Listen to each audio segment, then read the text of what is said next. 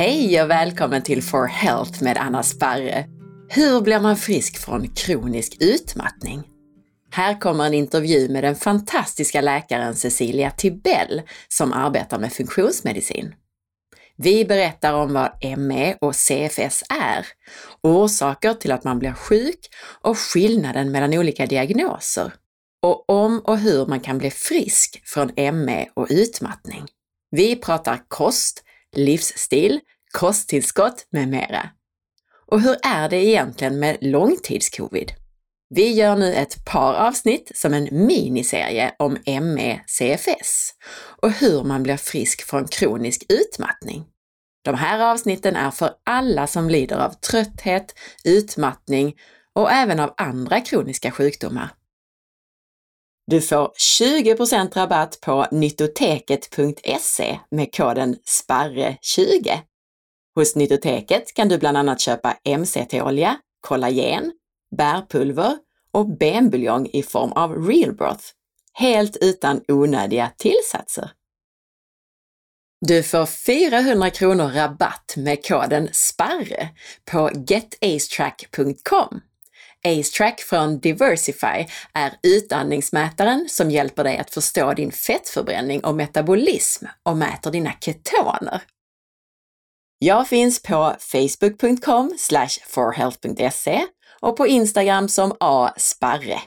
På forhealth.se böcker hittar du mina e-böcker och på forhealth kan du anmäla dig till nyhetsbrevet som kommer ungefär en gång per månad. Och du kan även gå min distanskurs om du vill få grunderna kring kost, hälsa och viktnormalisering. Och så kan du boka mig som föreläsare, både online och på plats. Jag är så tacksam om du hjälper till att hålla podcasten levande genom att dela med dig av avsnittet på Facebook, Instagram och till vänner. Bara att gilla inläggen när de fladdrar förbi i sociala medier hjälper massor och gå in och lämna en recension av podcasten i iTunes. Det hjälper så oerhört mycket. Tusen tack! Hej Cecilia och välkommen hit! Hej Anna, jätteroligt att få vara med i din podd. Ja, jag är så glad att ha dig här och nu tror jag att det är många av lyssnarna som kanske inte känner till dig sedan innan, så du får gärna börja med att berätta om vem du är och lite kring din bakgrund. Ja, jag heter alltså eh, Cecilia Tibell och eh, jag är specialistläkare i internmedicin och endokrinologi. Och eh, grundutbildad i funktionsmedicin kan man säga. Och eh, fram till för 2017 så har jag väl jobbat mer traditionellt inom sjukvården och framförallt på sjukhus då. Eh, både inom akutmedicin och med mottagningsverksamhet. Och när jag var, mina sista år har jag varit på eh, Sankt Görans sjukhus i Stockholm. Och där har jag jobbat dels på endokrinmottagning och akutmottagning, men där började jag även jobba med övervikt och man kan väl säga att där började en resa eh, mot, eh, mera mot funktionsmedicin för min del. Därför att dels har jag själv gjort en viktresa, men också i förståelsen hur komplext saker och ting faktiskt kan vara. Mm. Eh, och där fick jag också möjlighet att jobba lite med lite längre besök med patienterna och sådär och såg hur mycket mer det kunde ge. Så att där väcktes väldigt intresse och sen gick jag eh, Applying Functional Medicine eh, som IFM, den amerikanska Institute of Functional Medicine eh, håller som så att säga en basutbildning i hur man jobbar ur ett funktionsmedicinskt perspektiv. Och då kände jag att där hittade jag hem. Det var liksom, där fanns det doktorer som tänkte som jag och där fanns det andra terapeuter som tänkte som jag. Och sen Sen har jag varit inblandad i en del projekt som ledde till att jag i augusti 2020 efter att ha levt i bara covid ett halvår mm. tillsammans med några andra öppnade upp en klinik som hette Integrativa kliniken. Och sedan januari 2021 så är det egentligen det enda jag gör. Ja. ja. Mm, och så samarbetar jag lite med Nordic Clinic då ska jag väl säga för att ja, de som söker på mig hittar mig säkert där, för där har jag och Graham Jones eh, haft ett samtal och inlett ett samarbete, så jag har även jobbat där två dagar i månaden. Men eh, från och med oktober så kommer jag inte göra det. Vi kommer fortsätta samarbeta men det blir så rörigt att hålla reda på patienter på två ställen.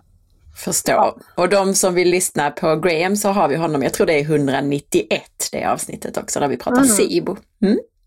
Jättebra, tack för det. Och idag ska vi prata om ME. Men först och främst så tänkte jag höra, vad står ME för och vad är det för någonting? Ja, eh, my, det, alltså ME är en förkortning på myalgisk encefalomyelit. Och eh, på svenska har det länge kallats kroniskt trötthetssyndrom. Och man kan säga att man kan egentligen sätta likhetstecken mellan dem numera. Som diagnos är den ganska ny. Sjukvården har haft lite svårt att acceptera den. Myalgisk står egentligen för muskelvärk och encefalomyelit står för inflammation i nervsystem och hjärna.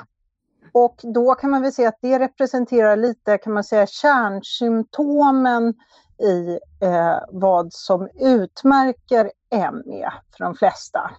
Dels är det värk och muskelsmärta eh, framför allt, men sen är det då konsekvenserna av att ha en inflammation i nervsystemet. Mm.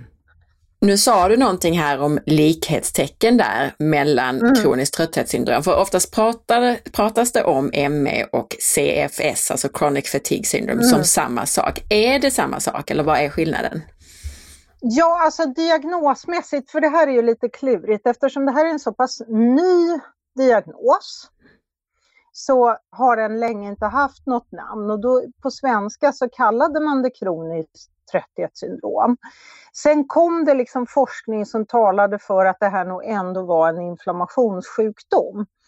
Och då kom det här andra namnet. Så att egentligen så är det väl kan man säga samma sak, men kroniskt trötthetssyndrom som de flesta tänker kring det är kanske inte lika hårt knutet till, eh, till den här eh, hjärninflammationen. Men eh, i vanliga sammanhang använder man dem som samma diagnos kan man säga. Okay. Och, i, och i vårt ICD-system då som är våra diagnoskriterier, där finns det inte riktigt någon diagnos. Eh, utan där heter diagnosen trötthetssyndrom efter en virusinfektion. G93-3. Och eh, jag har ju ME-patienter som inte nödvändigtvis eh, har fått sin diagnos sprungen ur en virusinfektion. Ja. Ja just det, och det ska vi ju komma till lite grann det här med orsaker. Mm. Så det ska bli spännande mm. att höra din syn på det. Mm. Men, men jag tänkte då, hur är det då med skillnader mellan ME och inom citationstecken vanlig utmattning? Ja, det, det, det, främsta stora skillnaden mellan vanlig utmattning och ME är att ME går med väldigt tydliga inflammationssymptom. Och en, ett sånt viktigt kriterium då, för att man i dagsläget då när man ska sätta diagnos så använder man någonting som heter Kanada-kriterierna. Och i den så finns det någonting som man kallar en ans ett post-exertional maläs, PEM. Det vill säga man får en försämring i samband med ansträngning och då kan ansträngning vara i form av att jag tar en lite längre promenad. Ansträngning kan också vara att jag har suttit framför datorn för många timmar eller att jag har suttit, varit ute i ett socialt sammanhang.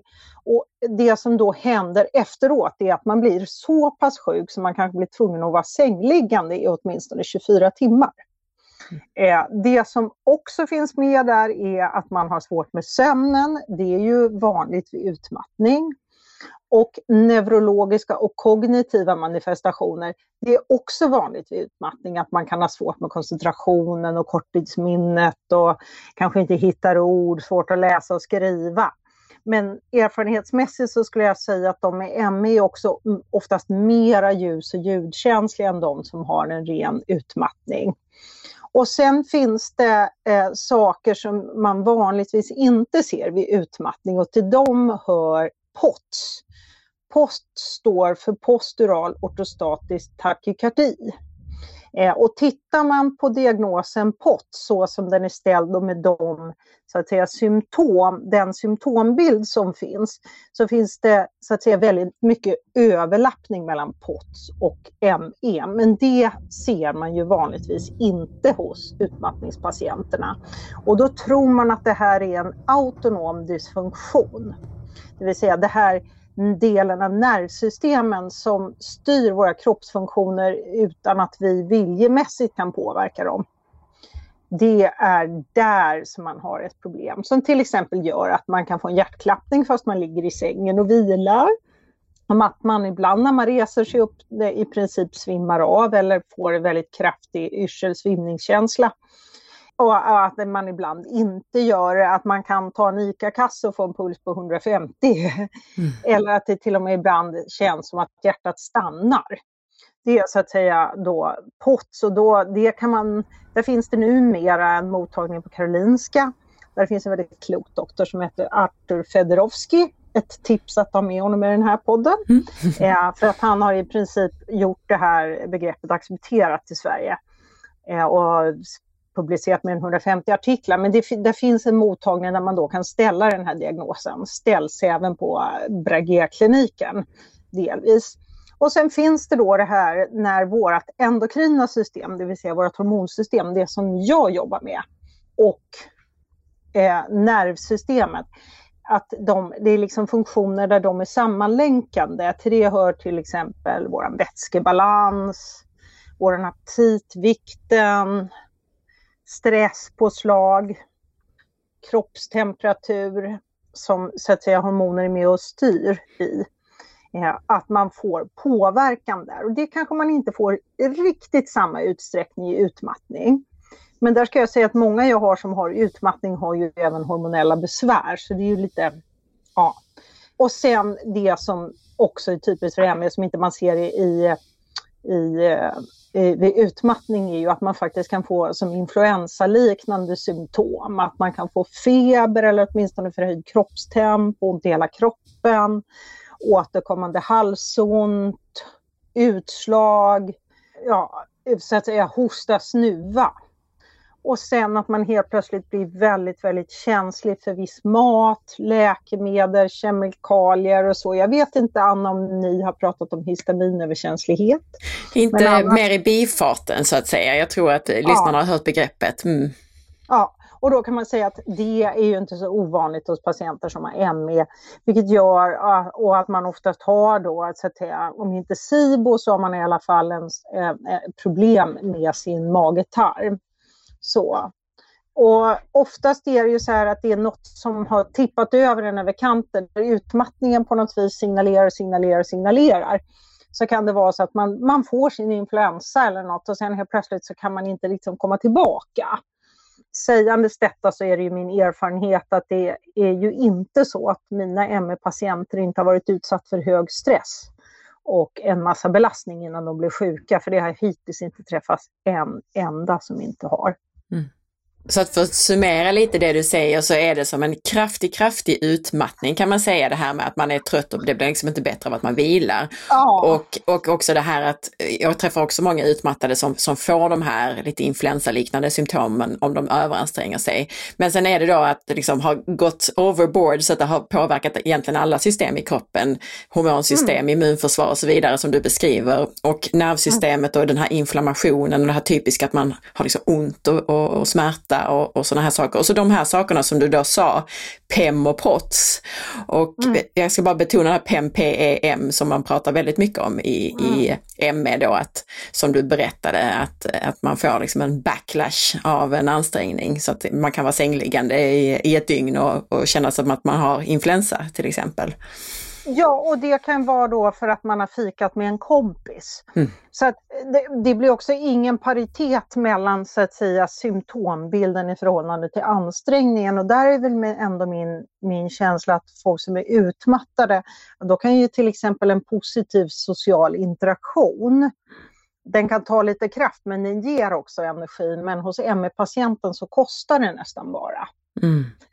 Utmattning gone overboard, lite känns det som det här. Ja, fast det får man ju inte säga om man eh, eh, äh, heller då.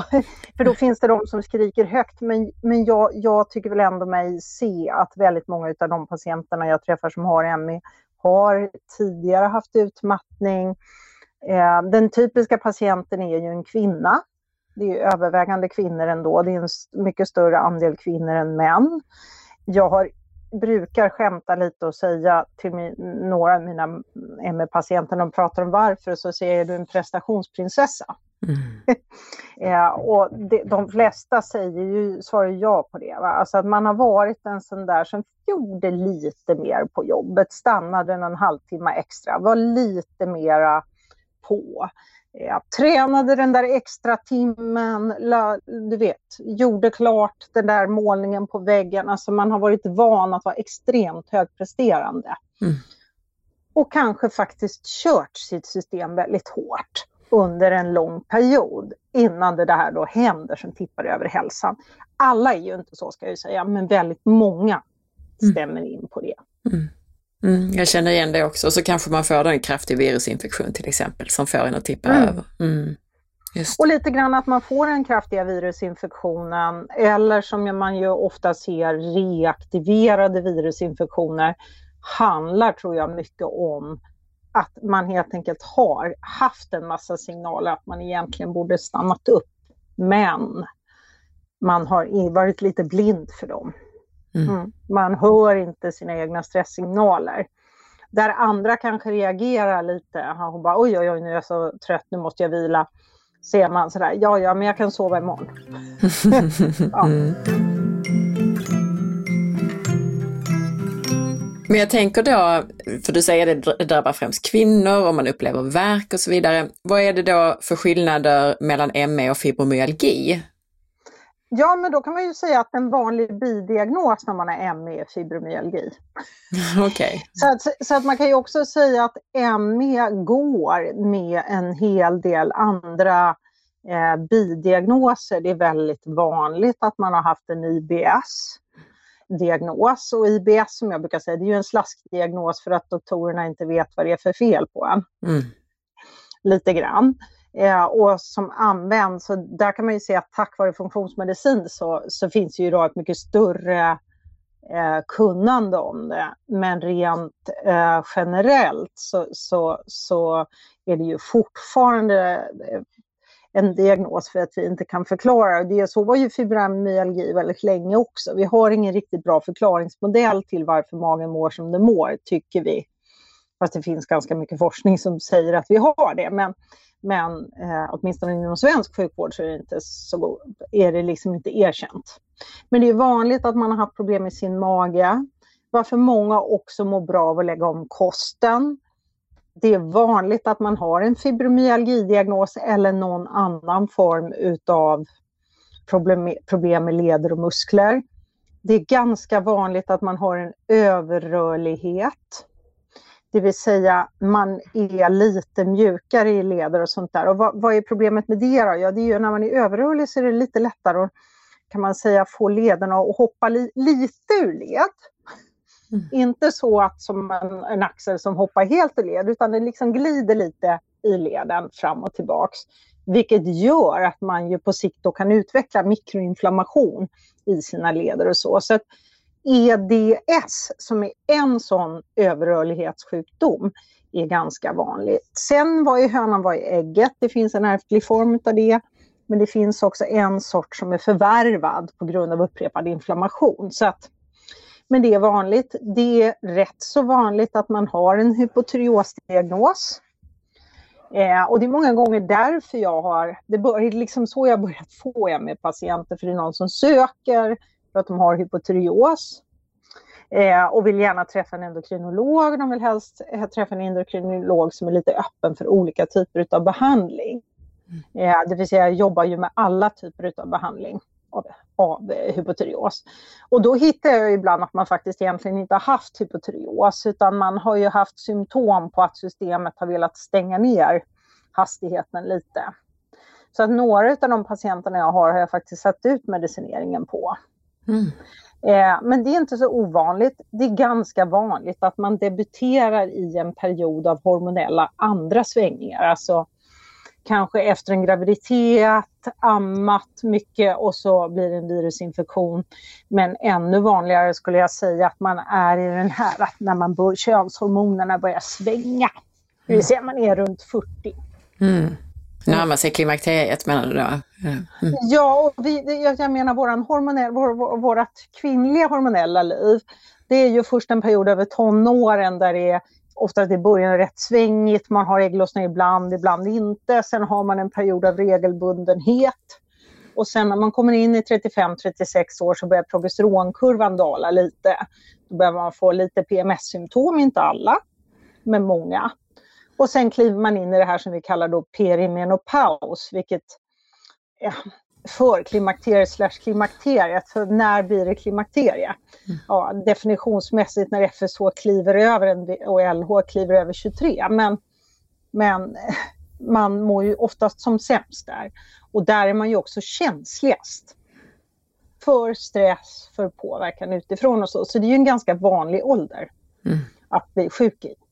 Jag tänkte på det här du sa, precis som jag också brukar säga, att ofta så är IBS en form av slaskdiagnos. Alltså hittar man inget man kan göra åt en patients magproblem så ger man diagnosen mm. IBS och så skickar man hem dem. Jag mm. tänker på det här med ME då som en slaskdiagnos. Alltså om man inte hittar något som man kan göra åt en persons verk och utmattning så får man diagnosen ME. Vad säger du om det?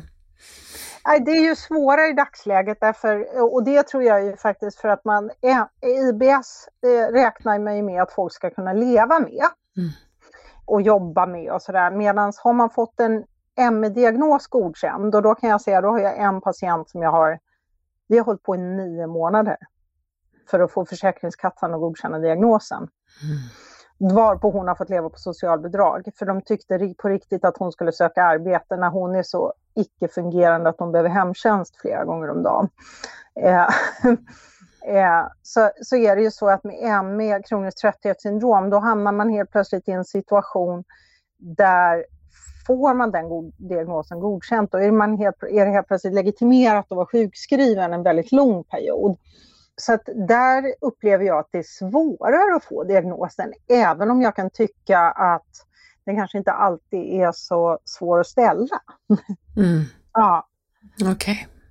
Och jag tänkte mm. också nämna för lyssnaren, för vi pratade ju som hastigast om fibromyalgi och vill man veta mer om det så har vi ett avsnitt om det med Birgitta Höglund och Annika Dahlqvist någonstans kring avsnitt 35. Så jag vill bara nämna det också, så behöver vi inte gå så djupt in på det här. Nej, nej men jag menar enkelt sett så kan man ju säga att man har en kronisk muskelvärk som inte går över och det är vissa punkter på kroppen som är extra känsliga. Mm. Mm. Det finns ju en logik i det om man tänker på neuroinflammation då, så att ja. Mm. Men mm. skulle vi kunna summera hur, alltså vilka kriterier man ska uppfylla för att få diagnosen ME, bara kort? Ja, alltså man måste ha den här ansträngningsutlösta försämringen, PEM. Den är ett kriterie som, eh, som den måste finnas med. Och i den då, under den så finns nytillkommen oförklarlig ihållande ständigt återkommande utmattning ansträngningsutlöst försämring och symptomen förvärras av all typ av ansträngning. Den är, och man ska ha en sömnstörning och det handlar om att även om man sover så känner man ju sig inte utvilad. Så en del ME-patienter vaknar ju jättemycket och har jättesvårt att sova, men en del patienter bara sover och sover och sover. Men fastän man sover 12 timmar så blir man liksom inte piggare utan man känner sig aldrig, aldrig utvilad. Um, och jag brukar säga att det där hänger ju också oftast ihop med ett blunted cortisol response, att när man tittar på kortisolkurvan så är den, man har förlorat sin dynamik i den, den är flack. Men det är ett helt avsnitt i sig. Mm. Och sen ska man ha eh, smärtor i ett, ett kriterium. Det kan man säga, det är en sån sak som som eh, ju inte är lika vanligt vid post-covid som annars liknar ME väldigt mycket. Och sen på de här neurologiska kognitiva manifestationerna så finns det några ljus och ljudkänslighet, förvirring, koordination, svårighet och, och där behöver man bara ha två av dem. Så, så är det. Men man behöver ha kognitiv påverkan, man behöver ha smärta, man behöver ha en sömn som inte ger återhämtning, man behöver ha ansträngningsutlöst försämring. Man ska ha något utav eh, besvär med andning, hjärtklappning, eh, urin, alltså magbesvär, yrselsvimning eller POTS eller någon slags ortostatisk intolerans. Det betyder att man blir väldigt påverkad när man reser sig upp och lägger sig ner. Eller några av de här då som kallas neuroendokrina eh, manifestationerna eller non-immunologiskt. Så. Och sen ska vi säga, sen ska det ha pågått minst sex månader. Så att det får liksom inte ha försvunnit efter sex månader, då har man inte haft en ME. Men grund, och det är därför kroniskt trötthetssyndrom är, är på sätt och vis, för det, det är kroniskt så att säga. Mm. Just det. Men låt oss komma in lite på orsakerna då. då. Alltså vem får ME och varför får man ME? Ja, vi har ju redan pratat lite om det här med kön. Och, och, jag tror ju att det beror på att vi har ett mycket komplexare system med ett hormonsystem, ett, våra kvinnliga hormoner som så att säga har cykliska, eh, en cyklicitet som komplicerar hur vårt immunförsvar reagerar. Vi har ett immunförsvar som faktiskt ska kunna härbärgera ett foster, en främmande varelse. Någon som inte är oss utan att få en avstötningsreaktion.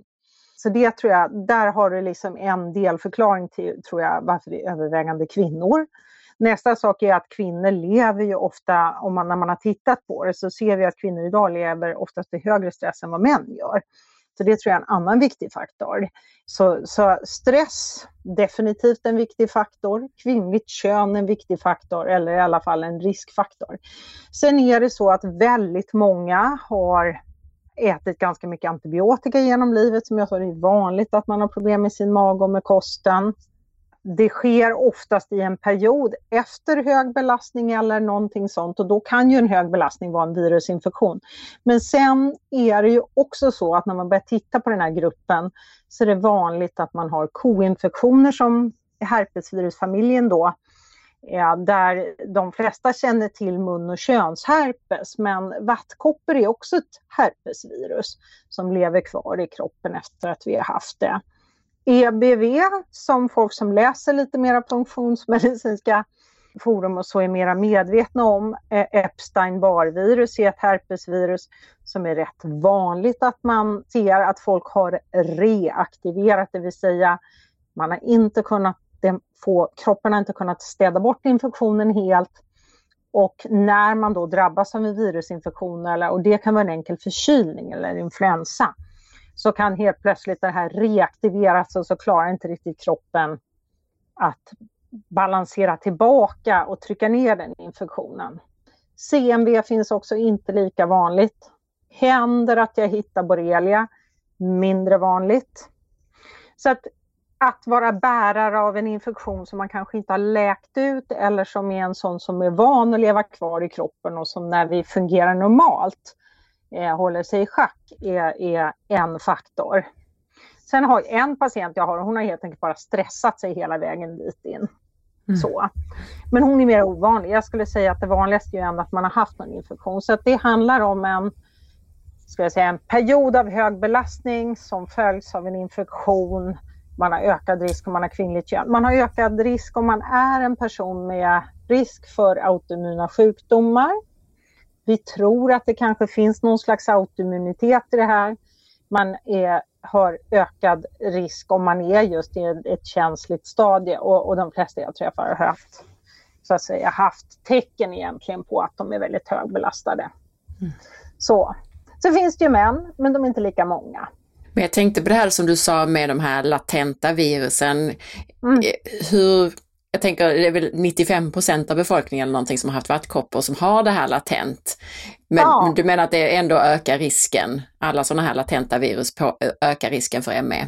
Ja, det vill säga jag tror inte de egentligen ökar, men jag tror att när man är i en situation när man är sårbar för det så kan de helt plötsligt ta plats och påverka. Jag förstår.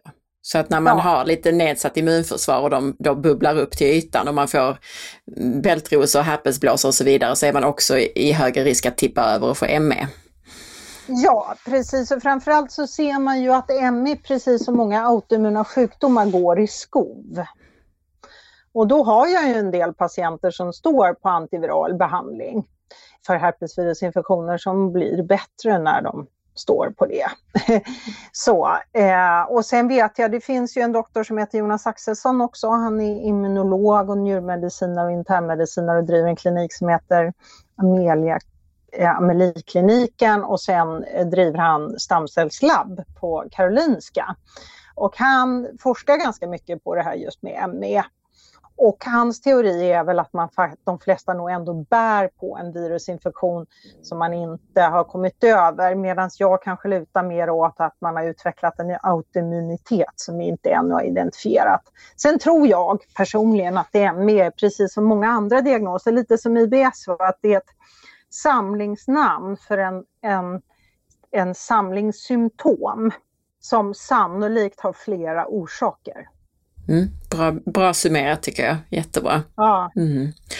Sen nämnde du också en sak som jag hade tänkt komma in på och det var det här med långtidscovid och mm. då eventuella skillnader och likheter med ME. Alltså, det är ju ett nytt fenomen de senaste par åren det här med långtidscovid. Och då mm. funderar ju många, är det så då att långtidscovid i själva verket är samma sak som virusutlöst ME? Ja, alltså jag tror ju det. Så ska jag säga. Men däremot så är det ju så att det vill man inte riktigt erkänna för det skulle ju helt plötsligt eh, innebära väldigt mycket saker, tror jag. Alltså det forskas ju en del. Jag, jag säger att den enda bra med långtidscovid, eftersom jag själv har haft en liten släng av det, eh, är att det tar ME-forskningen framåt. Okej. Okay, eh, skulle jag säga, för att vi har lärt oss väldigt mycket om immunsystemet och hur det reagerar och agerar och sådär. Det har väckts ett intresse och det har väckts en förståelse för att folk faktiskt kan vara långtidssjuka fast det inte syns på ytan. För jag menar, det är ju det som jag tror att må många ME-patienter, de kommer till sin vårdcentral och beskriver den här enorma tröttheten och de symptom de får. Och så möts de med en, liksom du är deprimerad. Mm. Och så skickas man på kuratorsamtal eller stressrehab, men det hjälper ju inte. För kroppen är, det är liksom, du kan inte hjälpa det med bara knoppen. Du måste också jobba med kroppen. Så, och det tror jag väl att långtidscovid har gett. Men sen den stora skillnaden är att för många med långtidscovid så har man inte samma eh, typ av värkproblematik som man ändå ser hos de flesta ME-patienter. Mm. Mm. Men det kanske vi kommer att se nu framöver att vissa av dem utvecklar det, tänker jag. Ja, det tror jag. Och det, jag menar många av långtidscovid-patienterna har ju en signifikant huvudvärk. Och det är ju också vanligt bland ME-patienterna. Det är också en form av värk. Just det. Mm. Om vi rullar in lite på dina eller era, er kliniks erfarenhet med patienter med ME. Vi har ju pratat lite om orsaker, men vad har du hittat hos dem framför allt som bidragande orsaker till sjukdomen? Ja, alltså eh, för det som är stora skillnaden eh, med ME och post-covid för övrigt också, jag säga att det slår lite mer lika på könen. Ah. Mm. Så att jag har ju en del killar med post långtidscovid. Medan jag tror inte, om jag tänker efter, att jag har någon enda manlig ME-patient hos mig. Just det. Mm. Lite krasst kanske man kan säga att det är också en bidragande orsak till att det forskas mer på det, att det även är män som drabbas. ja, och sen så tror jag att det blev en så st väldigt stor grupp mm. med människor. Mm. Som gjorde att det gick inte att blunda för det. Men sen ska, jag, sen ska jag ju ärligt säga att jag har ju hittat det hos många som inte har fått diagnos. Och som har, eh, så att jag också tror att det, det finns kunskapen kring ME är rätt låg generellt i landet. Det är en diagnos som jag har en del kollegor som inte tror på ens. Oj. Alltså. Oj. ja. Mm. Ja, men det är väl eh, det nya fibromyalgi då, höll jag på att säga. Så att det, det... Ja, det kommer nog ta 10-15 år till innan man förstår det här. Och jag menar, det finns ju undergrupper i det här. Som om man tittar på USA-forskning så finns det någonting som kallas SIRS. Ja, som står är Chronic Inflammatory Response Syndrome som ju är väldigt likt ME då. Eh, men där är det framförallt borrelia och, och eh, mögelskador som ligger som orsakssamband och där finns det ett helt behandlingsprotokoll som är utvecklat av två doktorer som heter Andrew Heyman och Richard Shoemaker, eh, Shoemaker som är eh, om inte annat jättespännande att lyssna på på Youtube. Eh, men eh, tillbaka till ME, ja vad gör vi? Ja, men bara först innan vad ni gör så bara tänkte jag, vad, vad är de vanligaste orsakerna som, som ni har stött på i era patienter? Ja, de vanligaste orsakerna, jag skulle säga att det är väl samlat att jag inte träffat någon patient hittills som inte haft någon form av hög belastning innan. Majoriteten har haft någon form av utlösande infektion. En stor andel har latenta herpesvirusinfektioner som då antingen har börjat blossa upp, man börjar helt plötsligt få sin munherpes igen efter att den har varit borta i tio år.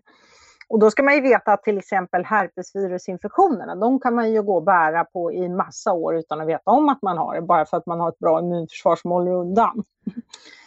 Så, eh, och det är vanligt att man, som jag sa, det är vanligt att man kanske har en svårbehandlad hypotyreos.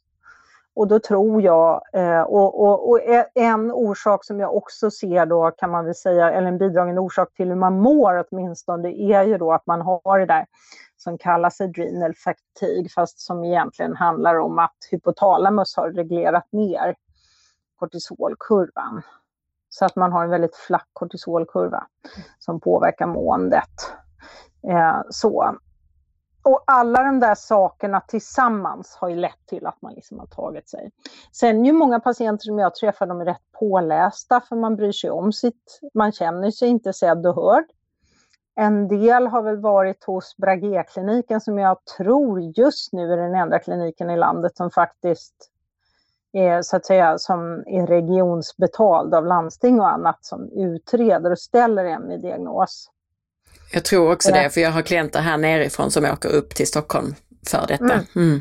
Det har ju funnits Gottfrid utanför Göteborg och sådär, det har funnits lite. Så, och sen är vi väl några funktionsmedicinare och i det här fallet även Jonas Axelsson då som jag skulle säga är funktionsmedicinare fast han vet inte. ja, som, som så att säga jobbar med den här gruppen patienter. Så. Men jag skulle säga att det är liksom flera små orsaker tillsammans som liksom gjorde att det ja, spillde över. Mm. Men väldigt vanligt att man har haft någon form av utlösande infektion. Och man kan säga när ME-patienterna får covid, då är det ju väldigt vanligt att de får en försämring i sin ME efteråt och får liksom någon slags kombination då. Och vad har ni då gjort med era patienter? Hur har ni behandlat det här? Ja, alltså eftersom många av de här patienterna har varit inne, de har hållit på att justera kosten och emellanåt hållit sig själva på sjukt restriktiva kostprotokoll. Eh, just då, eh, och har man då väldigt mycket läkemedels och kostöverkänsligheter och sådär så blir det ju till slut att man äter väldigt restriktiv kost. Och så, så, vi brukar ju titta på kosten och där är det ju lite olika. Alltså jag har ju en ME-patient som är helt karnivor. Det är några som blir bra, mycket bättre med det. Men det blir ju väldigt långsiktigt jobbigt att bara leva på kött och fett och trycka i sig massa vitaminer för att få i sig de andra näringsämnena. Så att det är allt ifrån att vi tittar på kosten så tillvida att jag faktiskt har en ganska tillåtande inställning till kosten.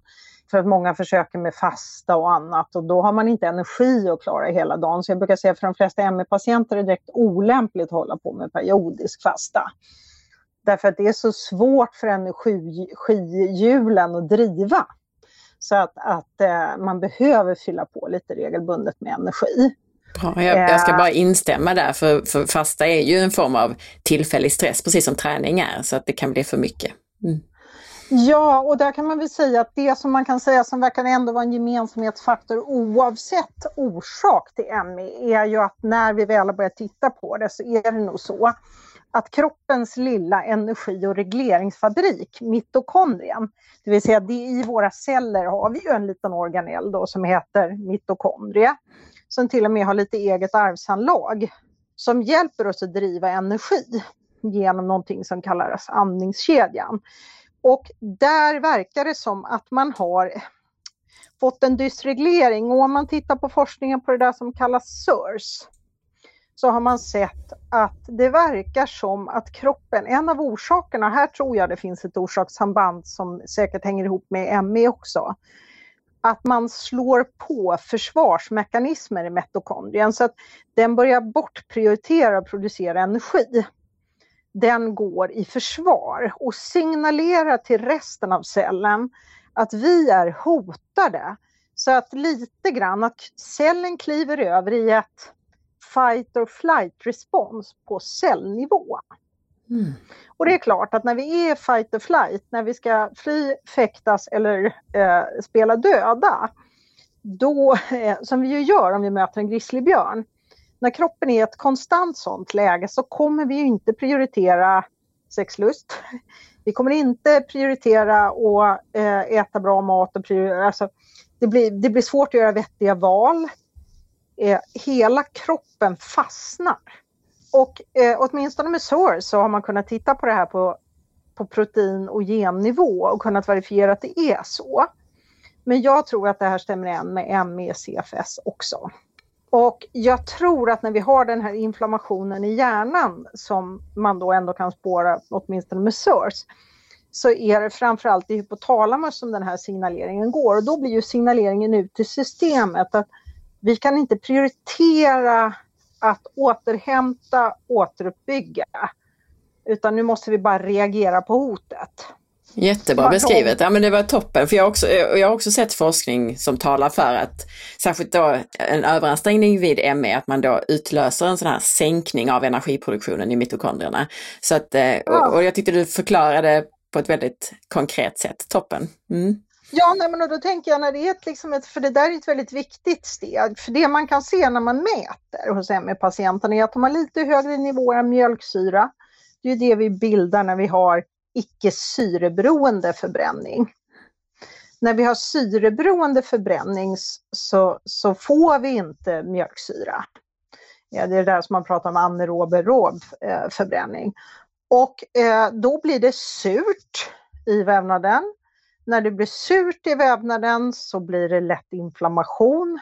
När det blir inflammation så blir det cellnedbrytning. När det blir cellnedbrytning så blir det ännu mera inflammation.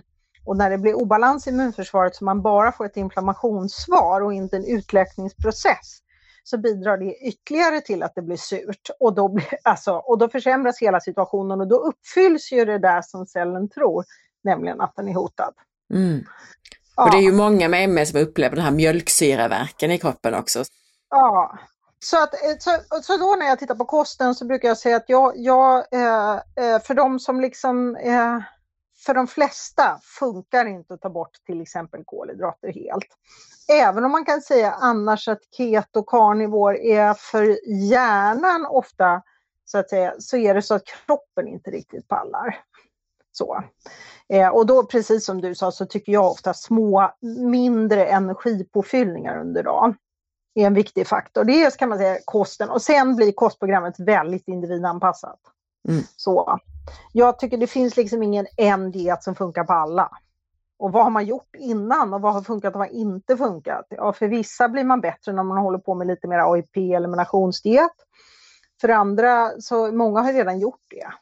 Och en del har ju liksom någonting där de bara, det bara blomstrar i att de reagerar på allt och då måste man ju börja med att lugna ner allt. Så. Mm. Ja.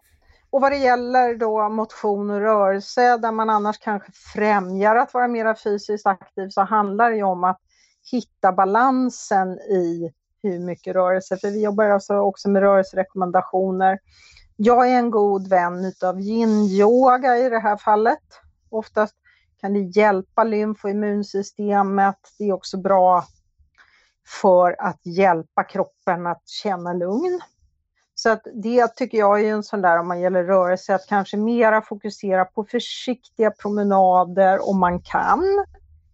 Och yin-yoga för att då jobbar vi både med nervsystem och med, med kroppen på ett sätt att vi liksom hjälper till. För det vet man att yin-yoga vi har hela vårt lymfsystem som ju är så att säga ett sätt att transportera bort slaggprodukter men också eh, en del i vårt immunsystem. Så när det fungerar bättre så underlättar man ju för kroppen. Sen tycker jag att väldigt många, i min erfarenhet i alla fall, att man mår bra av att jobba med sån här som man kallar neurolingvistisk programmering. Och jag brukar säga att det är lite styrketräning för hjärnan. Genom att signalera till kroppen aktivt genom att tänka så. Jag mår bra, min kropp ska fungera och det finns liksom olika övningar och sånt där. Så, få, så, så handlar det om att få kroppen att våga tro på att det är inget hot biokemiskt. Jag ser det som ett sätt att jobba med, eh, så att säga, med tankens energi och styrka på ett sätt så att man får biokemin att slå på rätt banor igen. Och där finns det framförallt två program som har visat väldigt bra effekt och det är ett som heter DNRS och eh, ett som heter Gupta de, det DNRS är lite mera för civilingenjören brukar jag säga. Det är så här, gör så här, bam, bam, bam, bam, bam. Och Gupta är lite mera för att sitta i lotusställning och lukta på blommorna. Men bägge har, har bra studier bakom sig och just på långtidscovid så vet jag att det har gjorts forskning av en professor som heter Cecilia Naukler Söderberg på det här på postcovid-patienter. Eh, men jag tycker även många, jag har en ME-patient som liksom inte haft råd att göra någonting annat. Och hon är ju liksom gått från att vara heltidssjukskriven till att nu vara 25% sjukskriven. För det hon sa, det var the game changer. Det var det som verkligen ändrade allt. Mm. Så att DNRS är någonting, jag brukar ändå rekommendera det. Sen är det ju så här, sen finns det också så här NLP-coacher och så här, men jag tycker att det är en viktig faktor. Och jag brukar säga att en viktig faktor är att förstå att alla bitar hänger ihop och liksom kropp, sinne, alltså, kropp och sinne hit, sitter ju ihop. Va? Hjärnan är inte helt isolerad från resten av kroppen. Och signalmässigt så signalerar ju kroppen mer till hjärnan än tvärtom. Eh, men det är också viktigt att förstå att därför måste vi ha med alla bitarna. Ska vi kunna läka så behövs alla bitarna. Mm. mm. Bra sagt. Och jag, eh, min erfarenhet är också att bara att få diagnosen kan ju göra att man känner sig sämre, att man blir sämre så att säga. Så att, att det är en viktig del det här, som du säger, att man, att man eh, lär sig tänka på rätt sätt för att hålla sig lite friskare. Ja, men det är också min erfarenhet att jag har ju patienter som har läckt ut sin ME. Mm. Och vad har varit det? Det är ju tron på att man kan läka ME har varit en jätteviktig faktor. Och nu mera på vår klinik har vi en samtalsterapeut som har jobbat på BRG-klinikerna som har haft ME. Hon har inte längre ME. Mm. Och det var en av mina frågor, kan man bli helt frisk från ME? Jag tror så här, det är lite likadant som jag brukar säga att har man haft en utmattning, alltså att man varit sjukskriven för ett utmattningssyndrom, så kommer man alltid vara extra sårbar för det. Kroppen har ju liksom gått in i den banan en gång. Så att jag tror att eh, du kommer alltid vara en, eh, ha ökad risk för att bli där, landa där igen. Mm. Men det gäller ju att gå med lärdom ur det. Jag, jag brukar säga också till mina ME-patienter, en viktig faktor här är att acceptera att den personen som du var innan kommer du inte kunna vara. För den personen som du var innan är en av orsakerna till att du hamnade här. Och det kan vara jobbigt att jobba med. Mm. Framförallt om man har varit en sån här som har tränat och yogat varenda dag och jobbat 8-10 timmar och varit framgångsrik på jobbet och haft massa sociala aktiviteter. Och så ska man helt plötsligt acceptera att man kommer inte kunna vara lika högpresterande om man ska hålla sin hälsa. Mm. Men så det, och det tycker jag det är en viktig att landa i acceptans i att hur jag levde kostade mig min hälsa, alltså kan jag inte leva så längre. Du sa lite grann kring hur man kan tänka kring kost och, och rörelse. Andra saker som är viktiga när ni behandlar och jobbar med patienter med ME? Ja, alltså jag tycker överhuvudtaget då, då är det ju det här att eh, nu pratar vi om den här lilla energifabriken och det är att ge den energifabriken förutsättningar att fungera. Så alla mina ME-patienter har mer eller mindre höga doser utav Q10. Q10 är ju en, en, ett stödämne just för att producera energi och jätteviktigt i våra muskelceller, i vårt hjärta och i vår hjärna. Speciellt hjärtat och hjärnan innehåller, liksom, där innehåller cellerna extra mycket mitokondrier för att hjärnan tar normalt sett en fjärdedel av vår energi och hjärtat tar jättemycket. Det ska ju slå hela, hela, hela tiden. Så att eh, Q10 är en sån sak som eh, alla mina patienter får. Jag ser till att de har ganska höga D-vitaminnivåer därför att D-vitaminer är med och reglerar immunsystemet. Så jag brukar ha en setpoint att de ska ligga mellan 100 till 150, det där som vi kallar 25 hydroxy D-vitamin som är ett grovt mått på våra D-vitaminnivåer men ändå acceptabelt sätt att mäta på. Jag brukar jobba med eh, ett läkemedel som heter acetylcystin. NAC går om under som hälsokostpreparat men det går faktiskt att förskriva så att jag försöker möjlighet mål förskriva det. Det är ett förstadie till ämnen som hjälper oss att städa bort fria radikaler och inflammation. Just det, och glutation har de flesta hört om tror jag, som lyssnar på podden. Ja, och mm. glutation, från cystin gör vi glutation. Mm. Och jag brukar stötta med både glutation och acetylcystin. Mm. Och där är det lite faktiskt en ekonomisk fråga också eftersom många ME-patienter har varit långtidssjukskrivna och har en begränsad budget så får man försöka säga vad kan jag göra, vad som har mest effekt. Eh, så. Och acetylcystein då går att få på högkostnadsskydd och är billigt så alltså brukar jag försöka skriva ut det. Eh, C-vitamin tycker jag är bra. Eh, en del har lite svårt att tolerera C-vitamin så där får man se vilken sort som funkar. Sen vad är annars viktigt för våra cellmembran? Ja det är ju sådana här som kallade fosfolipider. Och eh, fosfolipider är ju en slags fetter då som ge, bygger upp våra cellmembran. Och det är för att hjälpa och stödja då eh, så att säga. Både när vi har bra fosfolipidnivåer och cellmembran är intakta så fungerar signalen mellan cellerna och så bättre. Så det tycker jag är en viktig. Jag jobbar ganska mycket med ett kosttillskott som heter ATP 360.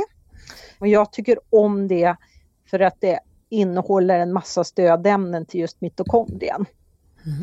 Och det innehåller Q10, det innehåller ett ämne som heter karnitin som vi får i oss via maten, oftast via framförallt animaliska produkter och så. Men som är, för att vi ska få in Q10 i just själva mitokondrien så behövs karnitin. Eh, så. Eh, men den innehåller också alfa-lipoic acid och ja, den innehåller helt enkelt en massa ämnen som är bra för mitokondrier. Kanske lite låga nivåer Q10 så det är vanligt att jag lägger till lite Q10. Eh, sen ska man gärna ha lite extra mera för just fosfolipider då, för det innehåller fosfolipider. Eh, vad jobbar jag mer med? Eh, glutation naturligtvis då som du tog upp. Faktiskt omega-3, det är antiinflammatoriskt så där är lite dosberoende på. För för mycket omega-3 kan ha motsatt effekt. Det är någon slags balans mellan omega-3 och omega-6 som man vill uppnå. Mm. Och sen... Eh, B12 sen, är ju någonting tänker jag som många ja, pratar om. Ja, förlåt, mm. B-vitaminerna. Den var, mm. den var så självklar så den glömde jag. Och där siktar jag på att man ska komma upp en, ett, ner till ett homocysteinvärde på 7. För då är ju homocystin, eh, för den som inte, va, va, va, varför mäter vi homocystin? Ja, det är för att homocystin kan man säga är en restprodukt när vi gör ett ämne som heter SAM-E från metionin. Men det är också det som vi sen gör cystin och så glutation på. Eh, och det är viktigt för svavelavgiftning och, så här, det, och taurin. Men när det blir för mycket homocystin så tar det en väg och bildar ammonium. Och ammonium är inflammatoriskt och inte så bra för vare sig hjärta-kärl eller hjärna. Så att man vill hålla nere de nivåerna.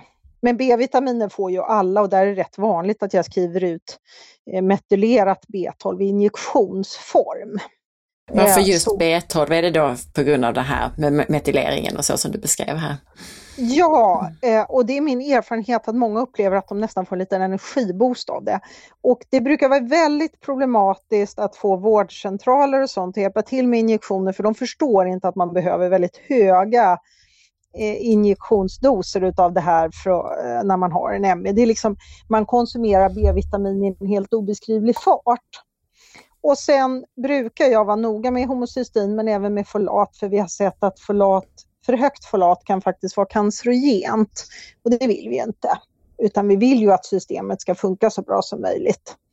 Och jag ska bara som en parentes där, många av de här ämnena som du har pratat om här med nack och karnitin och så vidare, pratar vi mycket mer detaljerat om i avsnitten med Dr. Marcus Gitterley och de avsnitten ligger från 183 och fram till runt 200 där någonting. Så att om man vill kan man lyssna mer där och sen också tänkte jag på det här du sa med homocystein och metylering och SAM-E. Vi har också avsnitt om, om just metylering, ett par olika, en med Omar och Cadogan och något med Dr. Cecilia Fürst. Så att för lyssnarna som då, om man tycker att det här var på en hög nivå så kan man gå tillbaka och lyssna på dem. Ja, sen jobbar jag en del med lågdos Naltrexon. Naltrexon då är egentligen kan man säga en antiopioid om man ska, och en opioid där är sådana här som kodin, morfin, sådana smärtlindringar som går på det som kallas då opioidreceptorer vårt system. Men, och då verkar Naltrexon också på våra opioidreceptorer. I höga doser så använder vi det för att behandla alkoholmissbruk, narkotikamissbruk och så, för det tar bort ruset och hjälper till och liksom hjälper folk att helt, hålla sig, helt enkelt hålla sig rena. Men då är det så finurligt att då har man sett att när man går ner på väldigt låga doser så verkar det ha immunreglerande egenskaper. Och därmed så är det många som får ordning på det här inflammationssvaret är med. Det är mycket större utsträckning när man går in med Naltrexon. Och då, eh, då kan man säga att det är också bra mot autoimmunitet så att om man följer en del funktionsmedicinska protokoll via I4M som jag är utbildad framförallt via så, så kan man säga så kan man, skulle man även rent teoretiskt kunna sätta in mot Hashimoto's hypotrios till exempel eller om man har en, en autoimmun B12-brist och så vidare. Men, eh, och där är det min erfarenhet att just det med patienterna så är de väldigt känsliga för det så man får gå in i väldigt låga doser och trappa upp försiktigt, men att det faktiskt kan hjälpa till med måendet. Vad intressant, alltså för jag har hört mycket om att man använder det här i USA. Framstående läkare i USA använder detta så som du säger, alltså låg dos då, eh, Naltrexol. Men vad intressant, du måste vara en av få i Sverige va, som, som jobbar med ja, det? Ja, så man ska säga Bragé-kliniken jobbar ju rätt mycket med det också, det vet jag. De nästan men de har ju ett standardiserat protokoll kan man säga. De sätter in B12-injektioner, Ubidekarinon eh, som då är Q10 och LDN. Och sen har de lite arbetsterapi och sådär. Eh, men de, jag tycker väl att de kanske har ett lite, jag tycker problemet blir att man måste individanpassa det man gör. Sen finns det ganska intressant forskning kring någonting som heter BPC 157 det håller jag precis på att försöka att ta in. Det är en liten proteinsnutt, det kallar vi peptid när det inte är tillräckligt många aminosyror i rad, som produceras i faktiskt mag-tarmkanalen i magsäcken normalt sett och som verkar läka slemhinna. Men det verkar också ha antiinflammatoriska egenskaper i hjärnan. Eh, och då kan man ta det i sprayform. Och likaså så finns det en eh, från eh, ginseng, ginkosider av en sort som kallas RG3 som man kan använda sig av. Det är en väldigt dyr behandling, men för en del är det, alltså det är som att hjärnan klarar den upp för en del. Mm. Ja. Eh, så att det är sådana verktyg som man kan ha. Och sen naturligtvis probiotika, att man jobbar med tarmen. Och där är det lite beroende på hur mycket besvär man har. Mm. Så där är ju allt beroende på hur, vad, vad det är för patient som sitter framför dig vad man har råd med att göra och hur mycket man orkar genomföra. För det är ju nästa sak, det måste bli genomförbart för patienten också. Just det. Mm. Mm. Och hur är det, jag gissar att du gör en del tester på dina ME-patienter eller hur ser du på det? Ja, alltså så här är det. Jag, jag försöker, jag jobbar när man träffar mig första gången så har man fått fylla i ett 23 sidor långt formulär. Mm. Jag tycker om att ha mycket information innan.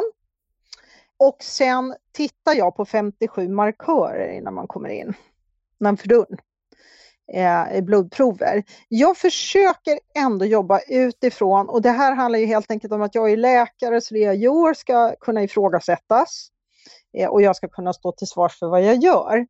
Eh, så att jag försöker jobba med metoder som ändå i huvudsakligen eh, resten av sjukvården klarar av att tolerera och förstå sig på. Men, det, eh, men sen är det så, det finns ju en del grundutredning för eh, ME som finns. Man tittar till exempel på immunoglobuliner då i blod, är en viktig. Man tittar på eh, B-celler, vilket är ett sätt att titta lite noggrannare på vita blodkroppar. Man tittar faktiskt efter herpes och borrelia. Det ingår i en ME-utredning. Så de flesta ska ju helst ha gjort en MR-hjärna. Det görs inte alltid och det behövs, tycker inte jag, för att ställa diagnos. Annat än om man har misstanke att det faktiskt är någonting annat det rör sig om. Men sen tycker jag personligen att det är ganska intressant att titta på hormonspegeln. Så, så är patienten beredd att göra det så tittar jag gärna på det testet som heter Dutch Complete då, där man tittar på könshormoner, eh, och hur hela, alla våra steroidhormoner ser ut och kortisolkurvan. Därför att eh, det är en annan sak som man då kan jobba med för att hjälpa till med orken, det är att jobba lite, lite försiktigt med adrenal cortex för att få upp energin på förmiddagen. Alltså att man tar binjureextrakt helt enkelt? Ja, det är ett binjureextrakt fast det innehåller inte då, Cortex-produkten innehåller inte dopamin adrenalin då, utan det är som ett litet stöd för steroidhormonerna. Mm. Och eh, därför att min erfarenhet är att för många ME-patienter så är det så att man vaknar på morgonen och tar sig knappt ur sängen och sen släpper man sig igenom hela dagen fram till 5, 6, 7 på kvällen. Och då har man helt plötsligt energi. Så då försöker man göra det där som man, tycker, som man själv känner att man inte hade gjort under dagen. Vilket leder till att man får ett litet stresspåslag och tittar man på kortisolkurvan till och med en liten uppsving av kortison som sen bidrar till att man inte kan sova ordentligt. Mm. Så man får ingen återhämtande sömn. Även om man sover många timmar så kommer man inte ner i noll i stress. Just eh, och då genom att försöka putta upp den lite och så Sen jobbar jag naturligtvis med sömnen också eftersom det är en så viktig faktor och då är det där att landa i riktig sömn. Inte i en ytlig sömn som folk lätt kan väcka en från utan den där sömnen som man liksom, ja. Och hur gör man det då? Alltså hur?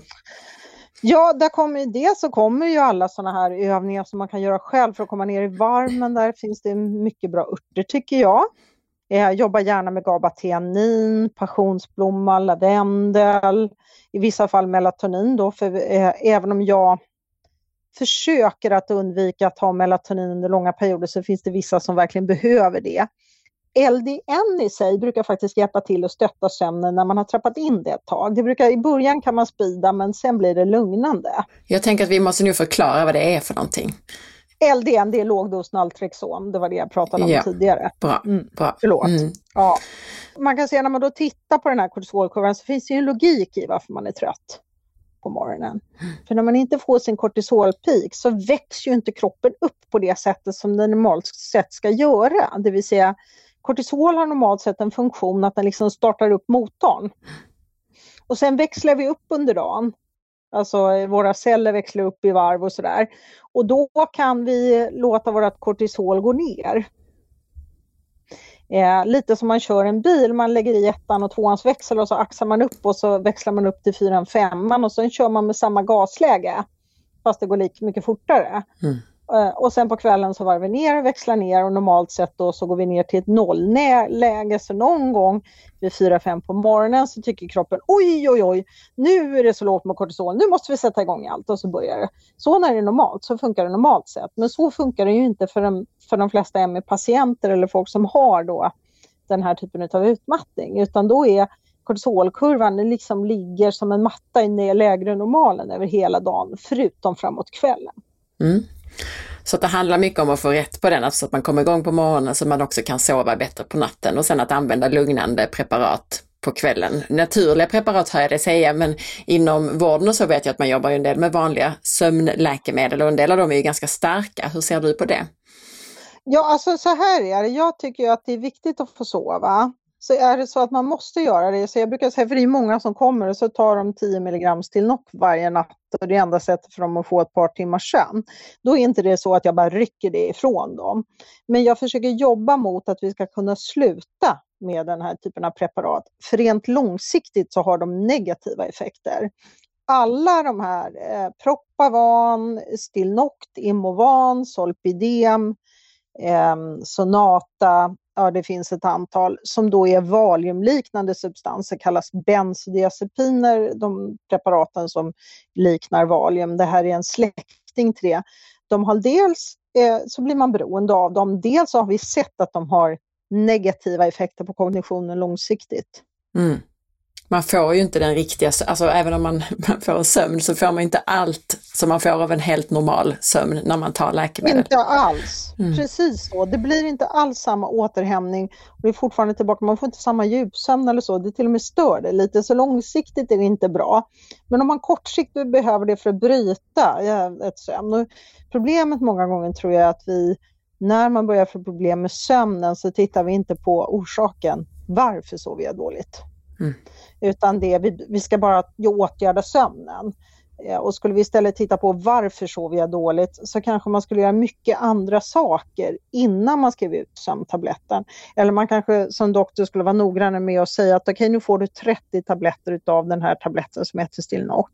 Men jag vill att du bara ska ta det max var fjärde dag för att vara säker på att du har en natt du kommer till sömn för annars kommer du bli tillvan på det här. Det säger man ju inte. Eh, eller som Propavan då, som ju många upplever att de vaknar som om de har en bakisfylla då. Eh, efter och, och som påverkar vår kognition nästa dag negativt. Så, att, så Och jag kan ju ta min egen mamma som exempel då som under många år har haft Propavan. Och så varje natt vaknade hon med vadkramper. Numera sover hon eh, på ZLP som är, är bättre hälsa eller numera Närokällans liksom lilla örtcocktail av surkörsbär tror jag och GABA-teanin och någonting mer. Och lite magnesium. Mm. Och då vaknar hon inte med vadkramper, hon vaknar inte med värk i kroppen och hon är inte groggig när hon vaknar. Mm. Så, att, så att jag tycker, men däremot så man kan inte rycka det från folk bara utan det gäller ju att jobba, att skapa förutsättningar för att sova. En annan sak är just att jobba med att inte dra igång stora projekt på kvällen utan faktiskt kanske ägna kvällen åt att göra, varva ner, även om hela dagen var sonkig. Ja, mm. precis. Det du jobbar med dina patienter är ju mycket sånt som man också kan göra själv hemma, tänker jag, som du sa med kost, lugn rörelse i form av till exempel yin-yoga, att man har någon, mm. någon, form av mentalt verktyg, om det sen är NLP eller om det är olika meditationer, mm. tänker jag kan också uh, vara bra. Mm. Och eh, det här med sömn och dagsmönster och, och, tillskott och så, mycket av det kan man ju göra själv, även om det såklart är bra att ha en läkare som reder ut vad är din individuella, ditt individuella mm. behov och, och orsakerna för din ME såklart. Men det är ju jättebra tips tänker jag till gemene man som, som sitter där ute och, och inte har fått hjälp. Ja, för sen handlar det om, för sen vad gör jag mer? Ja, det är ju att jag försöker återställa den hormonella balansen. Mm. Så har man en hypotyreos så försöker vi jobba mot att man ska ha en behandling som funkar bra. Har man hypotyreos och ME så är det min erfarenhet att man oftast mår lite bättre utav svinsköldkörtelpreparaten därför att de flesta har lite problem med T3-produktionen i hjärnan när det är sådär. Och då behöver man lite T3 för att fungera. Intressant nog är min erfarenhet att när vi jobbar med, med NDT då som det heter, eh, svinsköldkörtelpreparaten, i samband med ME men också ganska ofta annars så landar jag ofta på lägre doser hormon än vad man hade från början. Mm. Eh, därför att när man får en bättre balans på det så mår man bättre och då behövs det inte lika mycket eh, sköldkörtelhormon. Och det är min, också min erfarenhet att ME-patienter mår inte bra av att vara väldigt högt medicinerade i sin tyroidea. Det blir en tillfällig lösning som bara försämrar långsiktigt.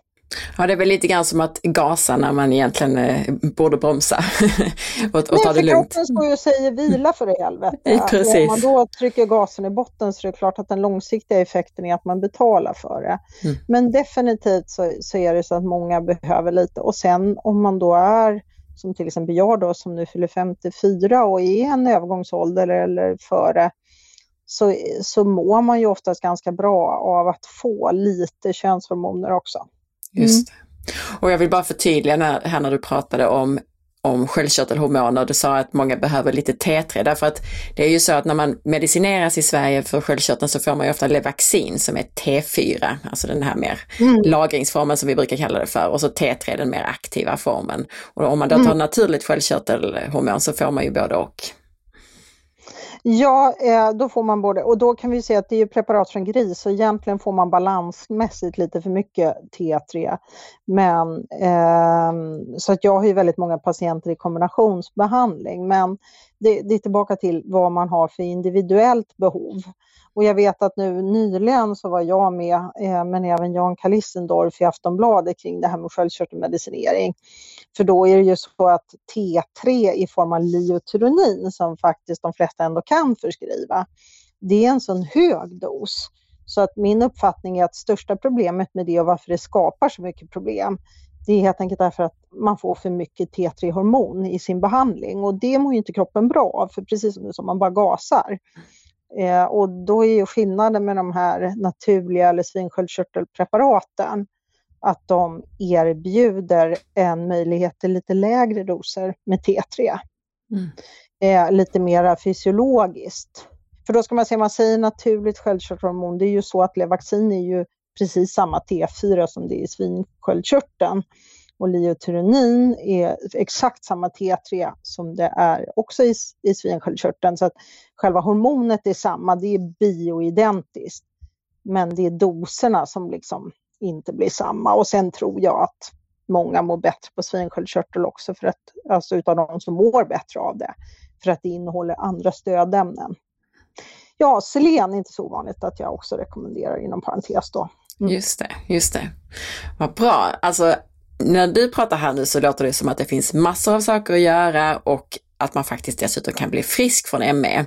Och när man mm. då går in och läser på vårdens sida så, eh, sidor så står det ju väldigt mycket om att ja, men det finns ingen förklaring till ME, det finns inte direkt någon lösning på ME. Vad säger du om det?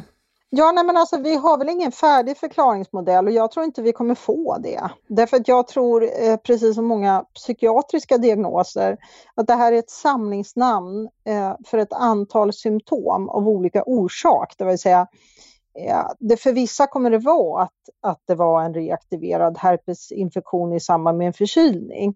Och för andra är det för att man båda har lite hormonell inbalans. Alltså, det kommer inte bara finnas en enda förklaring, det kommer inte bara vara ett virus som är orsaken eller en bakterie eller eh, och när det är så, så, så, så har vi ju ofta inom sjukvården lite svårt, och framförallt inom svenska sjukvården som är ju jämfört med till exempel USA väldigt fyrkantig i sitt resonemang, så blir det svårt att hitta en vettig förklaringsmodell. Och vi också, vi pratar väldigt mycket om evidens.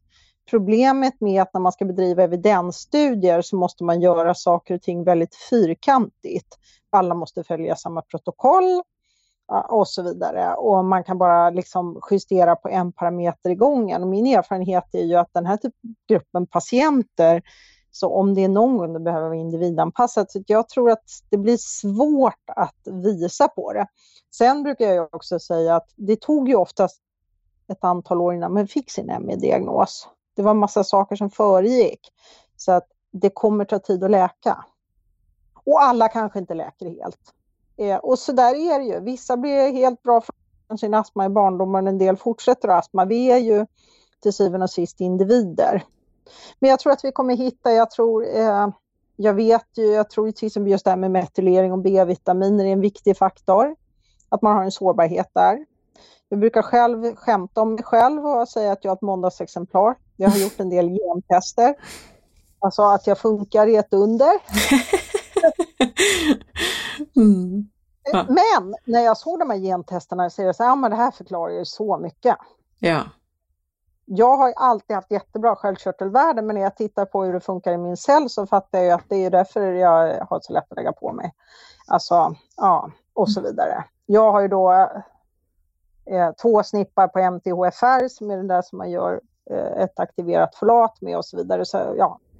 Då är, du, då är du känslig, bland annat när vi pratar om detta som, som du var inne på, att metyleringen är viktig här. Ja, mm. Ja, ja, så jag mm. behöver ju stötta. Jag har min son nu, jättespännande, min ena son. Har klagat på yrselkoncentration, nedsatt ork, känner sig sjuk. Mm. Ja, och jag hade varit lite förkyld, eller jag hade varit så här snuvig i näsan två dagar. Så jag tänkte, nej han får ta mina prover, tänkte jag. 57 markörer, ska vi titta? Allt kom tillbaka, typ, ni vet så här i funktionsmedicin så brukar vi prata om optimala värden. Förutom hans folat och B12 och homocystein. Han hade folat på mindre än 5 och då ska man säga att 7 är nedre gränsen och det är verkligen inte bra utan 21 brukar jag säga ska man ligga runt. Och B12 på 100 och så hade han ett homocystein på 56 och då över 15 så vet vi att det är ökad risk för hjärt-kärlsjukdom. Jag brukar säga att 7 är en bra nivå. Ja. Jag var i Laholm och jobbade eh, och sa till honom nu går du bort till kliniken och så hoppar, plockar upp de här två B-komplexen och så börjar du ta det. Jag kom tillbaka till en ny son. Ja. Min nördiga introverta son satt och skämtade vid middagsbordet och min man sa, vad har du gjort med våran son? Han är en ny människa. Mm, häftigt. B-vitaminer alena. Mm. Så ja, det var ett sidospår, men jag tycker att det är lite intressant. Det visar liksom vikten av att vi är i balans. Och då ska vi se att det jag har fyra söner, det är den av mina söner som äter mest varierat, stoppar i sig mest grönsaker och så vidare. Mm. Ja. Och han har det, bara för att förtydliga för lyssnarna, har då antagligen en liknande genuppsättning som dig när det gäller det här med MTHFR ja, och metylering och behovet av folat och, och B12 och så. Mm. Ja, och han har antagligen en lite snabb eh, omsättning utav biopterin som är ett ämne i hjärnan när vi gör signalsubstanser. Och när jag nu har roat mig med att sätta mig lite in i autism och så, så har man sett att vissa personer med autism har en väldigt snabb omsättning av just dihydrofolat ja, i hjärnan. Och det är klart, då har han ju säkert konsumerat det som en idiot då, i sin lilla hjärna och när det inte längre gick, det var då han började få tydliga symptom. Just det. Ja, mm. Jättebra. Om, vi, om det nu sitter folk där ute som har ME och lyssnar på det här, vad är ditt viktigaste råd till dem och var ska de börja? Ja, jag, jag tycker, eh, var ska man börja någonstans? Jag tycker att man kanske ska börja med, i den mån man orkar, och faktiskt försöka läsa in sig lite. Därför att jag, jag, jag till tvärtom till många doktorer, tycker det är bra att man är påläst på sin sjukdom. Mm. Jag tror nämligen att om man har en större förståelse varför man har hamnat i en viss situation så kommer man att ha mycket bättre förståelse för vad vi sen gör. Om man sen känner sig, men jag skulle behöva hjälp, ja då gäller det att hitta en doktor som, eller en behandlare. För det finns ju massa duktiga näringsterapeuter ute i landet. Eh, eh, som är, eh, är vana att jobba med, med den här typen av problematik. Vad det gäller läkemedel så, så är, då behöver man ju en doktor. Men du har ju till exempel nämnt Cecilia Fürst, det är ju en otroligt kompetent kollega. Så, som man kan vända sig till mm. för att få. Och sen eh, en viktig brasklapp är tålamod, det kommer ta tid. Och för vissa innebär det lite provtagning, för andra som jag säger så är det lite man får lägga ett pussel då. Du frågade mig om tester. Ja, hormonspegel, man kan naturligtvis titta på tarmfloran, är en inte helt oviktig. För att jobba med tarmen är en viktig del i läkningsprocessen. För vissa räcker det med att jobba med lite med tarmen, för andra är det en väldigt stor bit. Se till, vissa av de här enkla är ju att B-vitaminer och D-vitamin och Q10 är ju saker som oftast är bra att ta. Eh, C-vitamin och glutation likaså, det kan man ju få tag själv på hälsokosten. Men jag brukar också säga brasklapp. Man får vad man betalar för. Den hårfrissan som tar 300 kronor för hårklippningen kommer göra ett sämre jobb än den som tar 1500. Och det är lite samma med kosttillskotten. Det där kosttillskottet som kostade 99 kronor har oftast mycket sämre kvalitet och verkningsgrad därmed. Och jag brukar säga köp för, för i helvete inte kosttillskotten på apoteket. Nej, precis. Det är det viktigaste rådet faktiskt.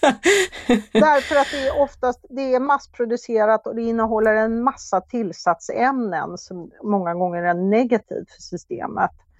Och eh, jag kan ju tycka att det finns en finess med att träffa någon som har kunskap om det, för då kan man få guidning i hur man ska jobba med sin hälsa.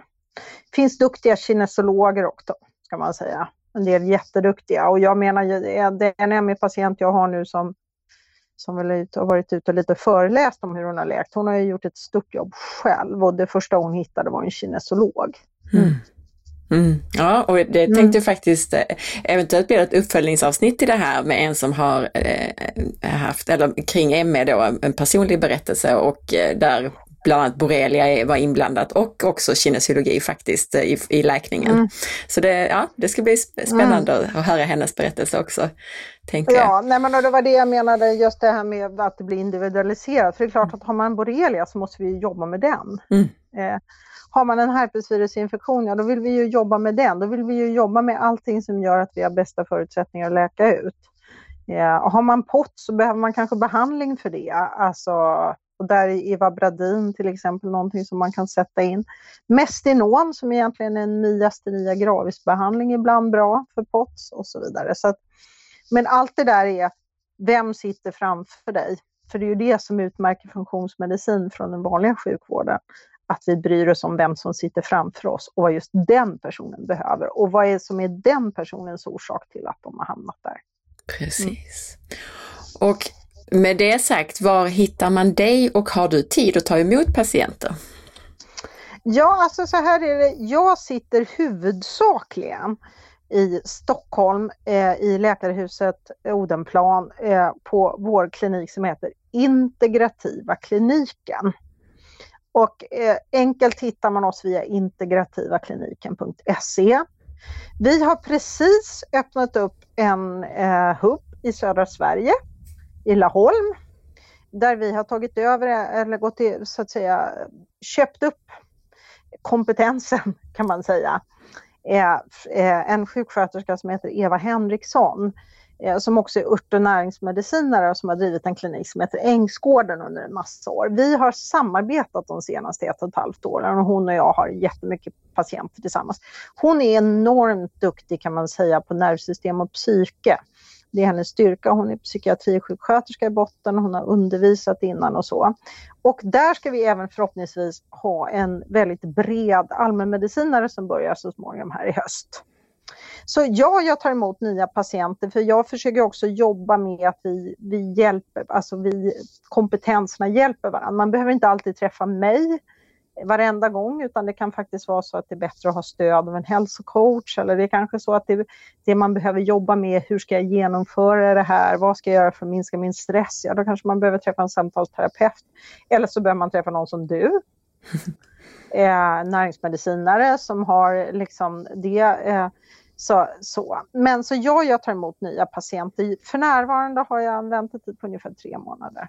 Mm. Jättebra. Jag tror jag har tider i oktober eh, nu. Det är väl de så. Ja. ja. Men enklast är att gå via hemsidan och där finns egentligen all information. Jättebra. Är det någonting som du tycker att vi har missat här idag som vi skulle prata om? Och gud, det är svårt att säga. Jag har ju som jag sa till dig suttit med mottagning hela dagen idag, men jag tycker nog vi har pratat om väldigt mycket. Det här ämnet går ju att prata hur länge som helst om. Jag ska faktiskt själv nu här i september åka till Boston och fördjupa mig ännu mer i det här med autoimmunitet och inflammation. Och bland annat så har jag fördelen att få höra Terry Walls och eh, igen lyssna på Andrew Heyman som jag har träffat några gånger som jag tycker är en fantastisk doktor. Mm.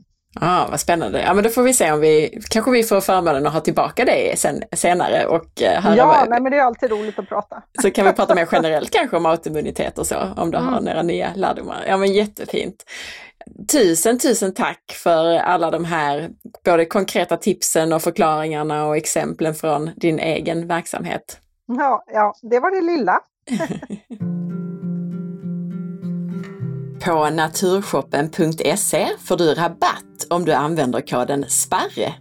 Hos Naturshoppen kan du köpa matbaserade högkvalitativa tillskott såsom mineraldroppar, torskleverolja, kapslar med lever från gräsbetesdjur och Adrenal Cocktail.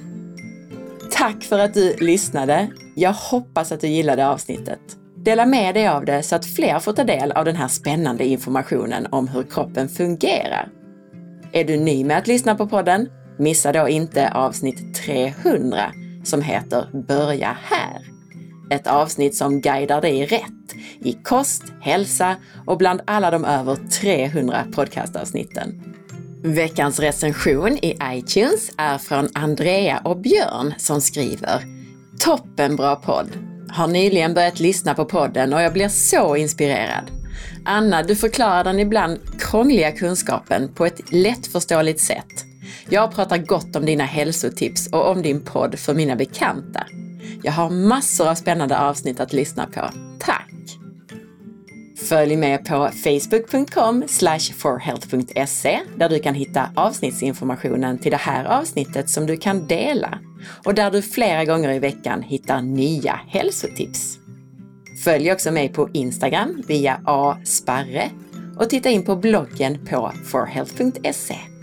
Ha en fantastisk dag! Vi hörs snart igen. Hej då!